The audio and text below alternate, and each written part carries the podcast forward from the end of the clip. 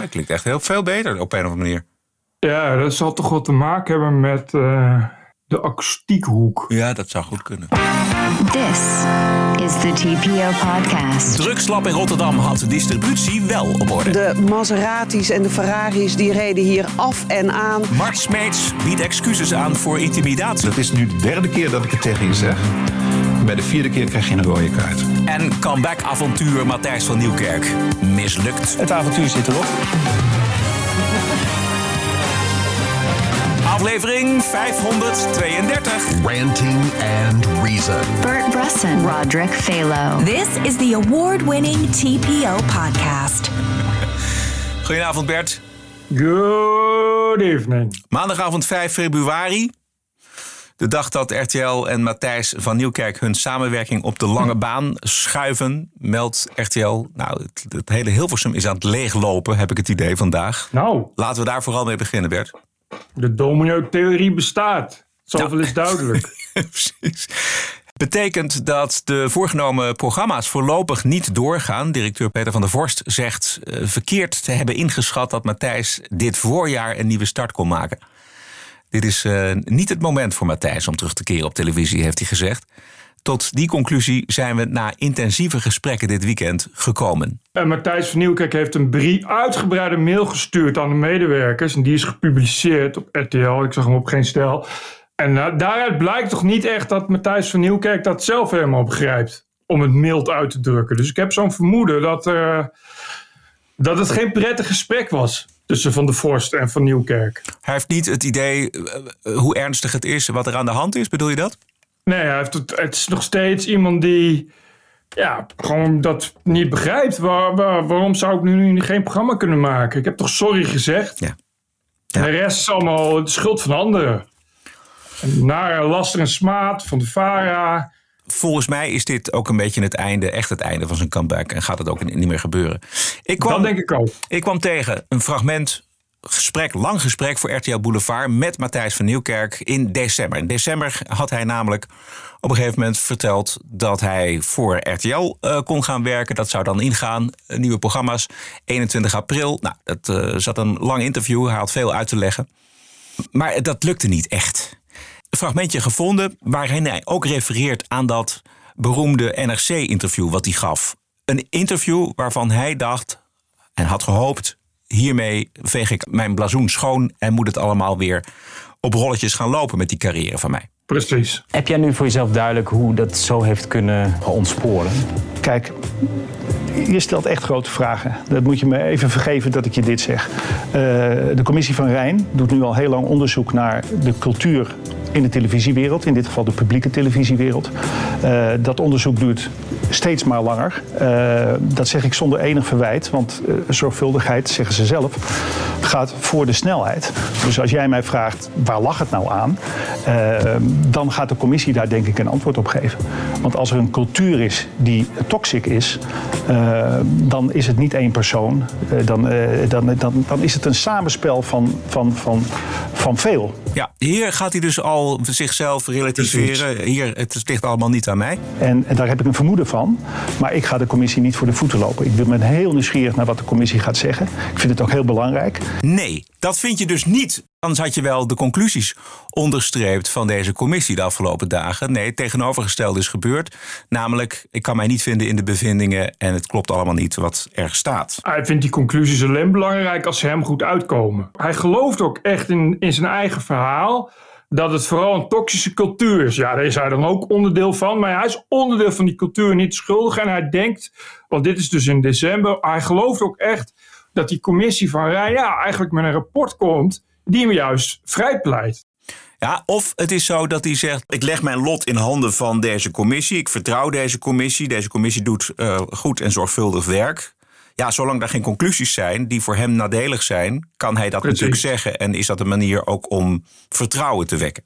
Precies. Ja, het gesprek gaat nog door. Dat het groter is geworden dan de wereld draait door, dit onderzoek. Daarom duurt het ook, denk ik, zo lang. Het is ook heel goed, denk ik, dat, ehm, dat er ook in heel veel andere plekken in de maatschappij dit soortzelfde reflectie is. Hè? Hoe gaan we met elkaar om op de werkvloer? Is dat wel wenselijk? Kan het Ja, nu maakt hij er dus iets algemeens van. Alsof het in heel Ja. Nederland plaatsvindt. En hij houdt het weg bij zichzelf. Niet beter? Kunnen we niet iets aardiger zijn voor elkaar? Uh, dat interview in de NRC was voor mij een. Dat kon ik op dat moment geven omdat ik heel veel wijzer was. Heel veel had gesproken, nagedacht. Uh, dingen zag die ik daarvoor niet had gezien. Stom soms. Uh, dat, dat verwijt ik mezelf. Dat is natuurlijk. Het was. ja. toen ik dat had gegeven, toen merkte ik dat een hoop mensen zeiden van nou, bijvoorbeeld uh, uh, potentiële werkgevers. Nou ja, de, de, telefoon ging weer. Begrijp je? Dus mensen dachten, hé, hey, hij heeft naar zichzelf gekeken. Dat gaat, uh, we, we, zijn weer bereid om met elkaar in zee te gaan. Ja, dit is dus in december. Dus dit was helemaal het plannetje van hem. Pijnlijk, hè? Ja, hoe je dit nu daar zo in terug hoort. Het gaat er echt om bijna berekenend dat Matthijs van Nieuwkerk zo snel mogelijk weer goed terechtkomt. Dit is het, de kern van zijn verhaal dat de telefoon weer ging. Dat mensen weer met een Thijs van Nieuwkerk wilden werken. Dat is waar het om gaat. Ja, precies. We hebben in december hebben we dat eh, gesprek. Nee, dit was eerder. Volgens mij was het in november. Nou, misschien nog wel van de zomer. Ik weet niet precies. September misschien. NRC-gesprek. Waarin hij dus uh, open, zogenaamd openheid van zaken geeft. En toen hebben wij uitgebreid over gesproken. En toen hadden wij ook al het gevoel dat uit dat interview in NRC niet echt naar voren kwam dat hij nou echt spijt heeft. Het is niet iemand die Precies. Men is gewoon geweten. Dat is niet zo. Of die zegt van Jezus, Mina, wat, is, wat heb ik me misdragen? En wat is dat kloten? En dat kwam daar en daardoor. Nee, hij probeert met eh, dat NRC-interview te hengelen naar nieuwe werkgevers. En dat lukte dus ook met RTL. Ja, en daarom is hij nu zo verbouwereerd over dat rapport. Ja. En dat hij, dat, hij niet, dat hij niet opnieuw televisiester kan worden. Dit is, uh, hier hoort gewoon echt iemand die gewoon heilig uh, in zichzelf gelooft hij begrijpt ook gewoon de point niet. Dat zegt hij ook de hele tijd. Van ja, we, we moeten het ook hebben over. want het gaat over hoe we op de werkelijk met elkaar omgaan. Helemaal niet. Het gaat over Matthijs van Nieuwkerk. En hij zegt ook de hele tijd. Dat is ook zo raar. Dan zegt hij ja. Eh, ik herken me gewoon niet in die andere dingen. Ja, oké. ik heb misschien wel eens tegen iemand geschreeuwd. En ik zal misschien wel eens na afloop van uh, de uitzending vol met spanning. neus aan neus tegen iemand gestaan hebben. Weet je, terwijl, ja. maar, maar het punt is dat het grensoverschrijdend gedrag is door Matthijs van Nieuwkerk. En Matthijs van Nieuwkerk was gewoon de kijkcijferman. In Amerika is dat uh, veel gebruikelijker dat je helemaal als bekende dan, zullen maar zeggen, echt te biecht gaat. Hè? Echt dat hele, en dan krijg je ook een tweede kans in Amerika. In, Nederland is dat niet zo.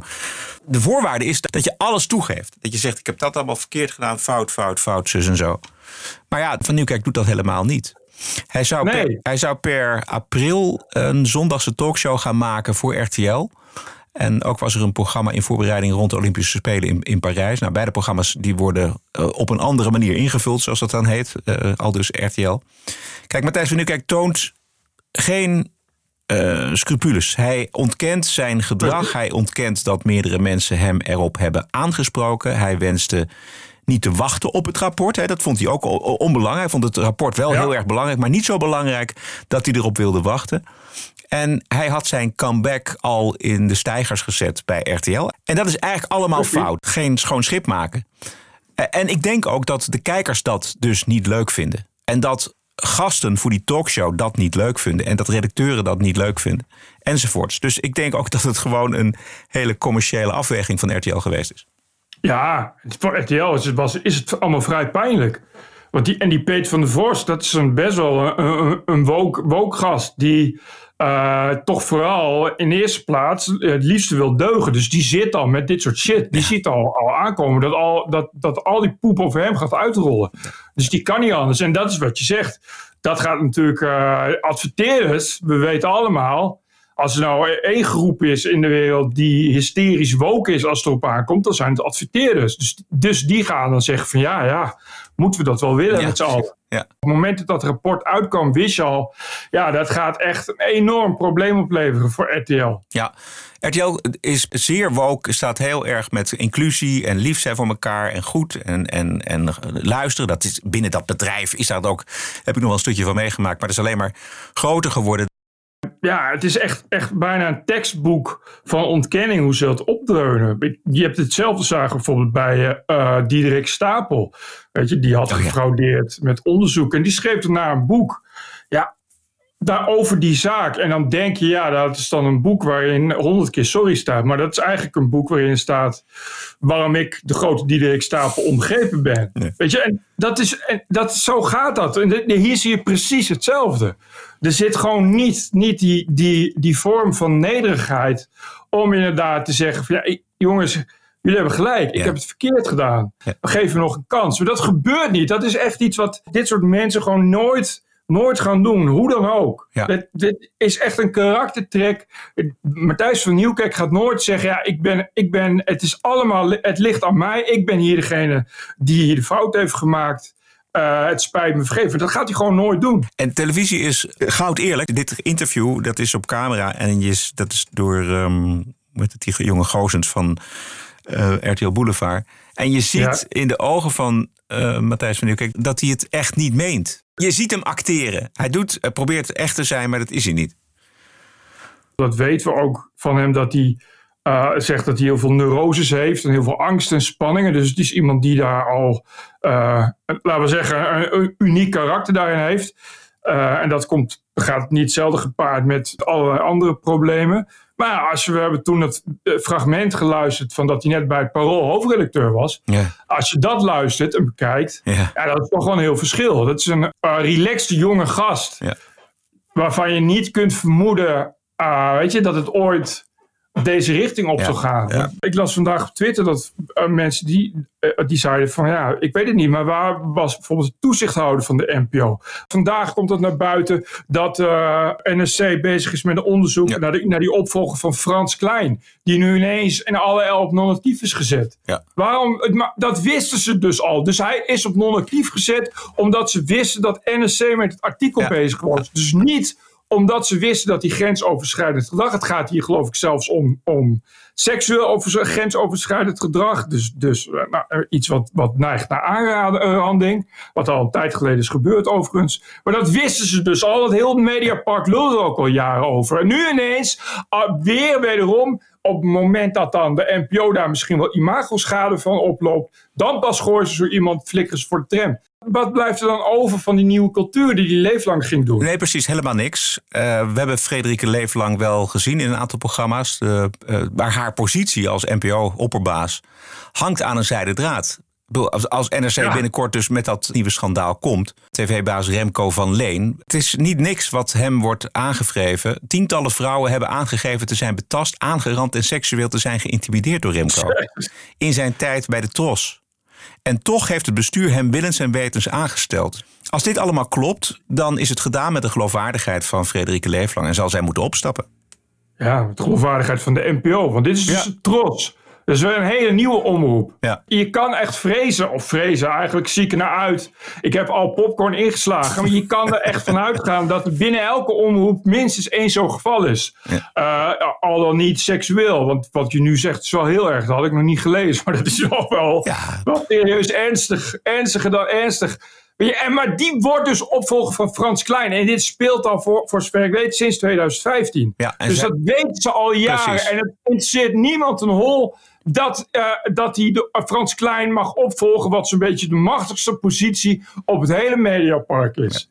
Dit is onhoudbaar, denk ik. Ja, hij, is onder haar, is die uh, volgens mij Precies. Dat heeft zij gedaan. Ja. Nou ja, de grote sanering kan beginnen, Bert.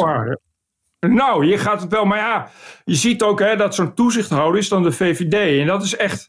Uh, in Nederland is de publieke omroep en de politiek innig met elkaar verweven. Dat is echt een probleem. Want zelfs uh, als uh, mocht het lukken dat er een kabinet komt met PVV, dan nog gaat het een hele klus worden om ook maar iets te veranderen. Omdat, en dat hebben we eerder gezien, onder andere toen Sander Dekker staatssecretaris was, hè, die toch ook veel heeft geprobeerd om daaraan te veranderen.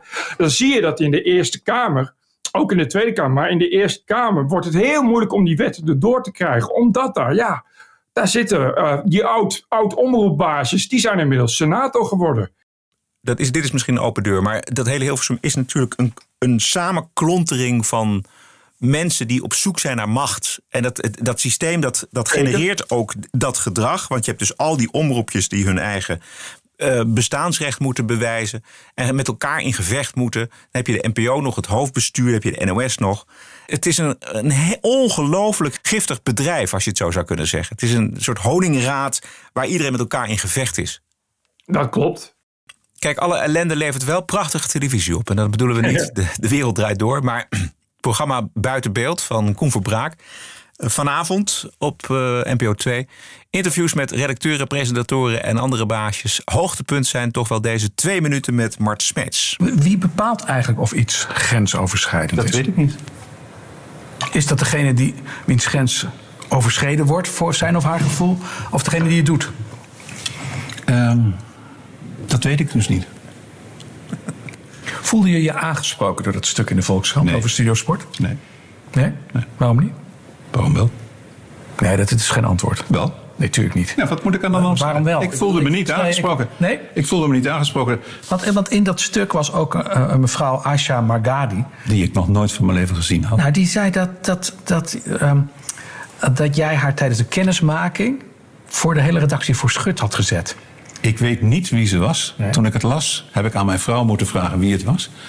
Mijn vrouw wist het ook niet. Toen heeft zij. Maar die werkte daar niet, dus dat is geen, eh, geen goede. Nee, maar, maar meestal heb je wel gesprekken hè, over mensen met wie je.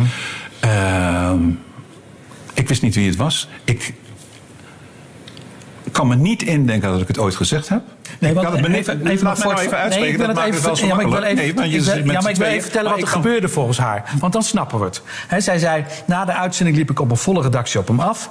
Ik stak mijn hand uit en stelde me voor. Hij staarde naar mij en naar mijn hand. En pakte die vast, keek naar collega's en zei... Wat moeten we hiermee?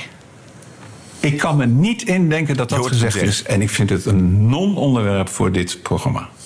Voor dit Klaar. programma. Klaar. Dat, Oh, jij, dat jij daarop verder wilt gaan. Het is niet bestaande in mijn leven geweest. Ik kan het me niet herinneren. Ik weet niet meer wie het is. Dat is niet gebeurd, wat, wat zij zegt. Ik kan het me niet herinneren. Ik kan me ook niet indenken dat ik het A tegen een levend mens zou zeggen. En B zeker niet tegen een vrouw ook. Oh, dat maakt ook nog verschil. Ja, dat vind ik wel. Want Oh, ja? ik, ik ben vrij hoffelijk tegen vrouwen. Vrij hoffelijk. Ik kan het me niet meer herinneren. En dat is nu de derde keer dat ik het tegen je zeg. Bij de vierde keer krijg je een rode kaart. Is het waar? Ik, ik word bijna benieuwd om het nog een keer te zeggen. Want ik ben benieuwd hoe die rode kaart er dan uitziet. Rood. Ja? Ja. En dat betekent? Nou, laten we verder gaan. Ja, dit is pure intimidatie van Smeets. Ja, maar di- bij Mart Smeets. Mart Smeets is denk ik ooit geboetseerd uit alle mogelijke eh, arrogantie en, en dichtgetikt narcisme. En dit is iemand die werkelijk waar helemaal nooit ook gaat denken dat iets wat hij ooit heeft gedaan, eh, eh, dat, dat, dat kwetsend is of schadelijk. En, en je hoort hier ook, eh, hij vindt het eigenlijk wel raar dat mensen daar naar vragen. Hij zegt bijna, wie ben jij om zomaar aan de grote Mart Smeets een kritische vraag te stellen? Ja. Hij wil er van af. Hij heeft één keer gezegd dat hij dit voorval niet kan herinneren. Daar kan hij nooit meer van terugkomen. Dus hij vindt het ook vervelend dat Koen Verbraak dit ter sprake brengt. En vervolgens is hij zo geschrokken van alle reacties op dit fragment... dat hij vandaag zijn excuses heeft aangeboden aan de makers van het programma Buiten Beeld. Ja, Ja. dat zeggen die excuses. Nee, niks. Dit zegt helemaal niks. Dit- Dat ook half. Ja. Dit is precies die cultuur waar het over gaat. Ja. Dit is echt, Mart Smeets is echt de, de pure belichaming van die giftige, toxische cultuur. Eh, want die komt ook nog eens een keer van sport. Ja, iedereen weet dat Mart Smeets was, was de baas, was de man. Dat was niet iemand waar je zomaar iets tegen op terug zei. En jij heeft toen, eh, toen volgens mij ergens een akkefietje gehad over, over seks of opmerking met zo'n schaatser, schaatster. Ja, Ria Visser. En daar is hij toen ook over bevraagd. Maar dat was ook van, nou, wat zullen we nu krijgen? Maar dat mag toch, wel- dat hoort toch gewoon bij. Dat mag toch wel. Eh, Wie, ze- weet je, dus het is echt een... Echt, als je de pure belichaming wilt van alles waar we het over hebben, dan is dat Mart Smeets. Dus het is echt geweldig dat hij, dat hij zo wordt bevraagd door Koen Verbraak. Die het overigens echt fantastisch doet. Ja, Dat is wel eh, echt een hulde als je dat zo kan. Ja. Nou ja, Ma- Mart Smeets is natuurlijk eh, carrière gemaakt in de decennia dat er nog helemaal nooit een haan kraaide Ja, naar wat dan ook. Weet je wel. Dus die had gewoon helemaal carte blanche. Smeets die probeert Koen Verbraak bang te maken van eh, ik ga weglopen. Maar hij weet, weglopen van die tafel eh, levert nog veel slechtere PR op. Precies. Dus ik, ik, ik haal maar bakzeil, ik maak er een geintje van. Dan denk ik van waarom verberg je dat? Want ik vind bij dit verhaal van Mart Smeets, hè, die zou nog kunnen zeggen, en dat, daar heeft hij wel gelijk in. Ja, dat verhaal van die Aisha Margada is haar verhaal tegen het mijne. Koen Verbraak, die, die gaat vanuit dat het waar is. Maar ik vind dat op zich nog wel terecht dat Mart Smeet zegt ja, maar ik vind dat het niet waar is. Dan denk je, waarom loop je daar weg? Waarom zeg je dan niet ja? Is inderdaad gebeurd. En dat is bij Matthijs van Nieuwkerk net zo. Er zit een hele rare angst voor uh, kennelijk voor nederig zijn, voor bescheidenheid. Ze betalen nog liever een boete of, of ze zitten nog liever een gevangenisstraf uit, whatever, dan dat ze ooit moeten zeggen, ja, ik, ik geef toe dat, ik fout, dat, ik, dat, ik, dat ook ik fouten maak. Net als 8 miljard andere mensen, weet je wel. Ja het is karaktermisvormend. Televisie is verschrikkelijk wat dat betreft. Want je hebt net aangehaald het moment dat uh, nog voor de televisiecarrière van Matthijs van Nieuwkerk, dat fragment dat wij hebben laten horen, uh, volgens mij een paar maanden geleden, waarin hij inderdaad juist wel iets van die bescheidenheid laat zien. Dan staat hij in zijn, in zijn hoofdredactiekamer en dan staat er een, weet ik, Jacques Zwart volgens mij, staat er een, een foto van Jacques Zwart en die vindt hij helemaal fantastisch. En dan zie je gewoon dat kleine jongetje, zie je nog Ajax adoreren. Nou, daar is gedurende die 15 jaar televisie de wereld door helemaal niets meer van over. Nee, ik vind echt, als je die twee, het echt waard om dat naast elkaar te zetten, die fragmenten. Je, ja, goed, hij is ook ouder, maar je ziet het toch een, bijna in zijn ogen. Weet je, het is echt, het is een totale verandering, een totale metamorfose. En, en die metamorfose is toch, ja, je voelt hoe die mensen zichzelf echt in zichzelf zijn gaan geloven. In al die lofuitingen zijn gaan geloven. Ja. Even nog terug naar Mart Smeets en dat moment op die redactie. Het verhaal is steeds dat hij dat op een volle redactie deed. En dus daar moeten dus getuigen van zijn. Waarom horen we die getuigen niet? Ten overstaan van iedereen zei hij, wat moeten we hiermee? Nou, oh ja, dit, nou, daar vind ik bij dit incident, dat is dus de reden waarom ik zeg van ja, het zou dus ook niet waar kunnen zijn. Nee, maar dan moeten, ze, dan moeten ze ook. Eh, dan moet er iemand zijn die, die, die het opneemt voor Mart Smeets. Die zegt: Nou, wacht eens eventjes. Ik was daarbij. Uh, Dat is heel anders gegaan. Dat is dus en zo gegaan. En dat was een grapje. En iedereen heeft gelachen. En zij heeft ook gelachen. Noem maar wat, weet ik wel. Ja, je hoort niets. Van, niets. van al die mensen op het Mediapark werken. hoor je helemaal niets. En dat zegt, dat zegt ook al iets over de cultuur. Ja. Niemand is die naar voren komt die iets wil bevestigen of ontkennen. Dat is onbestaanbaar. En het is toch op zijn minst ironisch dat NSC en Volkskrant zijn die dit soort dingen moeten berichten. Terwijl er, er geen grotere concentratie van journalisten in Nederland is dan het Mediapark. Dat, dat zegt toch al genoeg over hoe problematisch het daar is. Ja, nou NRC bericht dan niet over zijn eigen ellende onder nee, ja, de hoofdredacteur uit Vlaanderen. Precies. Ja. Maar goed. Dat snap ik, dat vind ik ook hypocriet. Dan, dan denk ik ook van ja, dan moet je de volgende dag ook daarover gaan schrijven. Ja. Want, want ja, als je zo graag dit soort dingen, als je dat belangrijk vindt, wat het ook is, helemaal terecht.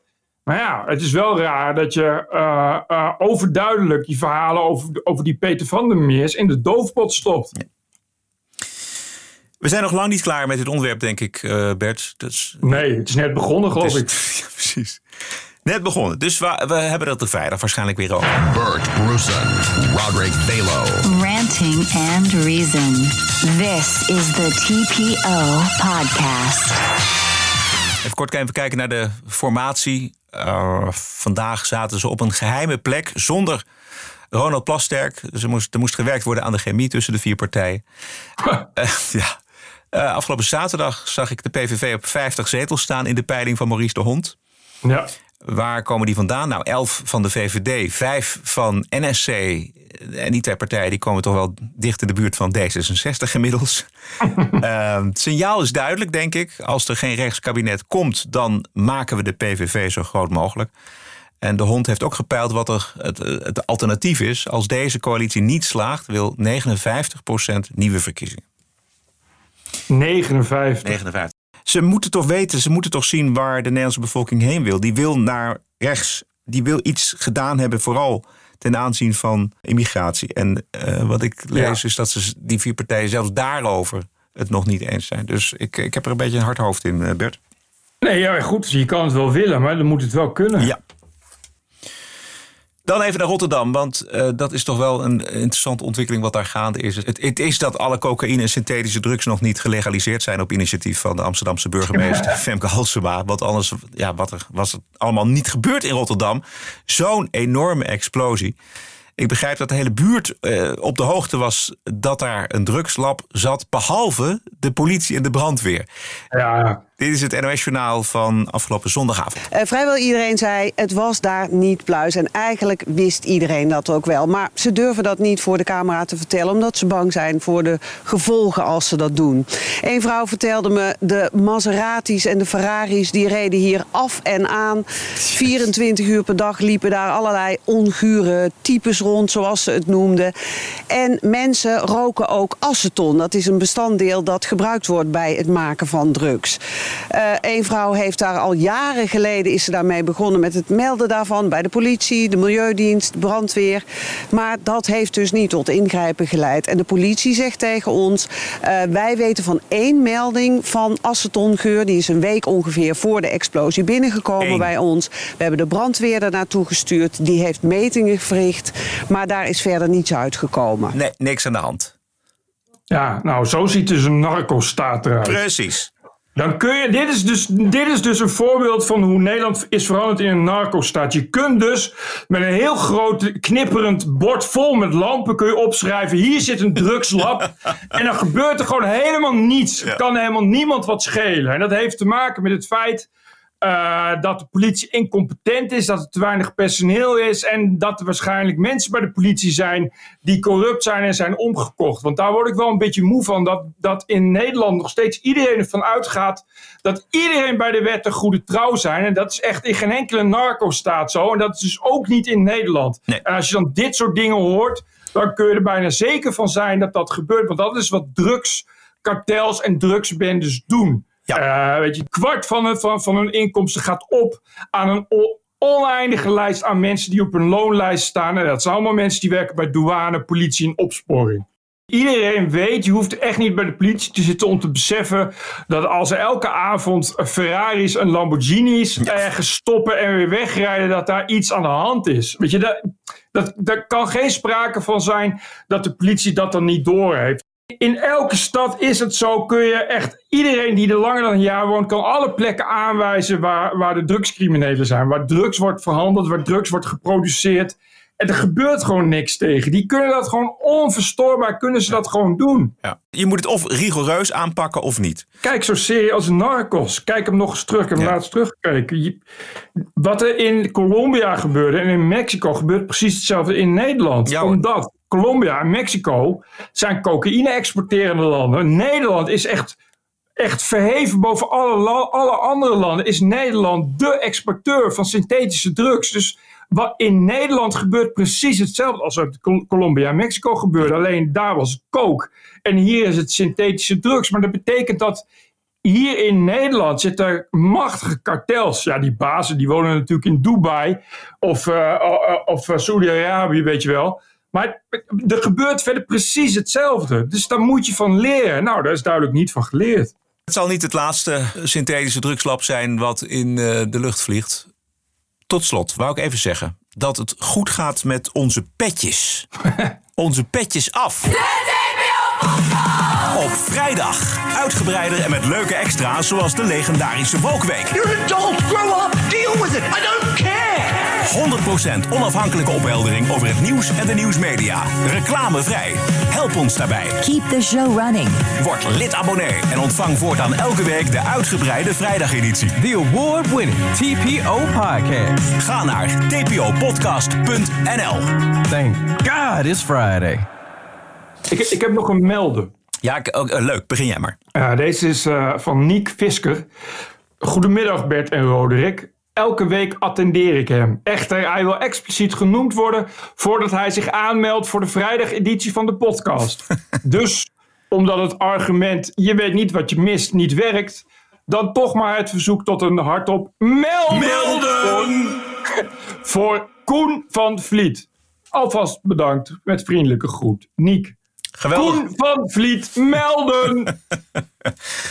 Geweldig. Even kijken, ik heb er ook nog een paar. Uh, een paar nieuwe vrijdagabonnees. Wij verwelkomen Emiel Brinkman met een jaarabonnement. Supergoeie podcast, schrijft Emiel op onze Petje Af pagina. Ook het jaarabonnement voor Bottenvork. Dat zal een zelfgekozen naam zijn, denk ik. ik uh, draag graag een steentje bij. Vind het heerlijk om jullie verfrissende opinies en kritische noten te horen... als aanvulling op de 13 in een dozijn nieuwsbrei die ons dagelijks wordt voorgeschoteld via radio, televisie, kranten. Houd stand, zegt hij. Robert Kuipers is ook nieuw op de vrijdag. Hij schrijft: Ik wil me heel graag melden. Na vele jaren gratis ergeren. En genieten ga ik betalen. Genieten van de vrije onafhankelijke journalistiek en ergeren als jullie de wappies de maat nemen. Dank Robert. En dan nog uh, Michel de Bruin. Die heeft een jaarabonnement genomen. Fijne podcast. Verheug me op de vrijdagpodcast erbij. Keep up the good work. En dan nog Francine de Smit. Luistert in Frankrijk. Ook op de vrijdag inmiddels. Francine probeert vanuit Frankrijk Nederland nog een beetje te volgen. En zij schrijft dat wij haar daarbij helpen. Doen we heel graag, Francine. De TPO-podcast is haar aangeraden door Neeltje Schoen. Goeie actie, Neel. Ons aanbevelen bij vrienden, familie, collega's kunnen wij iedereen van harte aanbevelen. En dan nog een, laatste. Vincent die heeft een jaarabonnement genomen op de uitgebreide vrijdagshow. En hij schrijft: Dank voor het luisterplezier. Dat gaan we doen, Vincent. Wil je jezelf aanmelden of iemand anders aanmelden? Ga dan naar onze website tpopodcast.nl. Want we zijn er dinsdag en vrijdag. Vrijdag met de uitgebreide show. Stay cool! Tot vrijdag! Zo, ik ben benieuwd wie er morgen wordt beschuldigd. TPO Podcast. Bert Bruson, Roderick Balo, Ranting and Reason. Um, dat weet ik dus niet. Podcasting is the TPO podcast in the Netherlands. Bert and Roderick. What a show. I'm telling you. Keep the show running. Go to tpo.nl slash podcast. Thank you.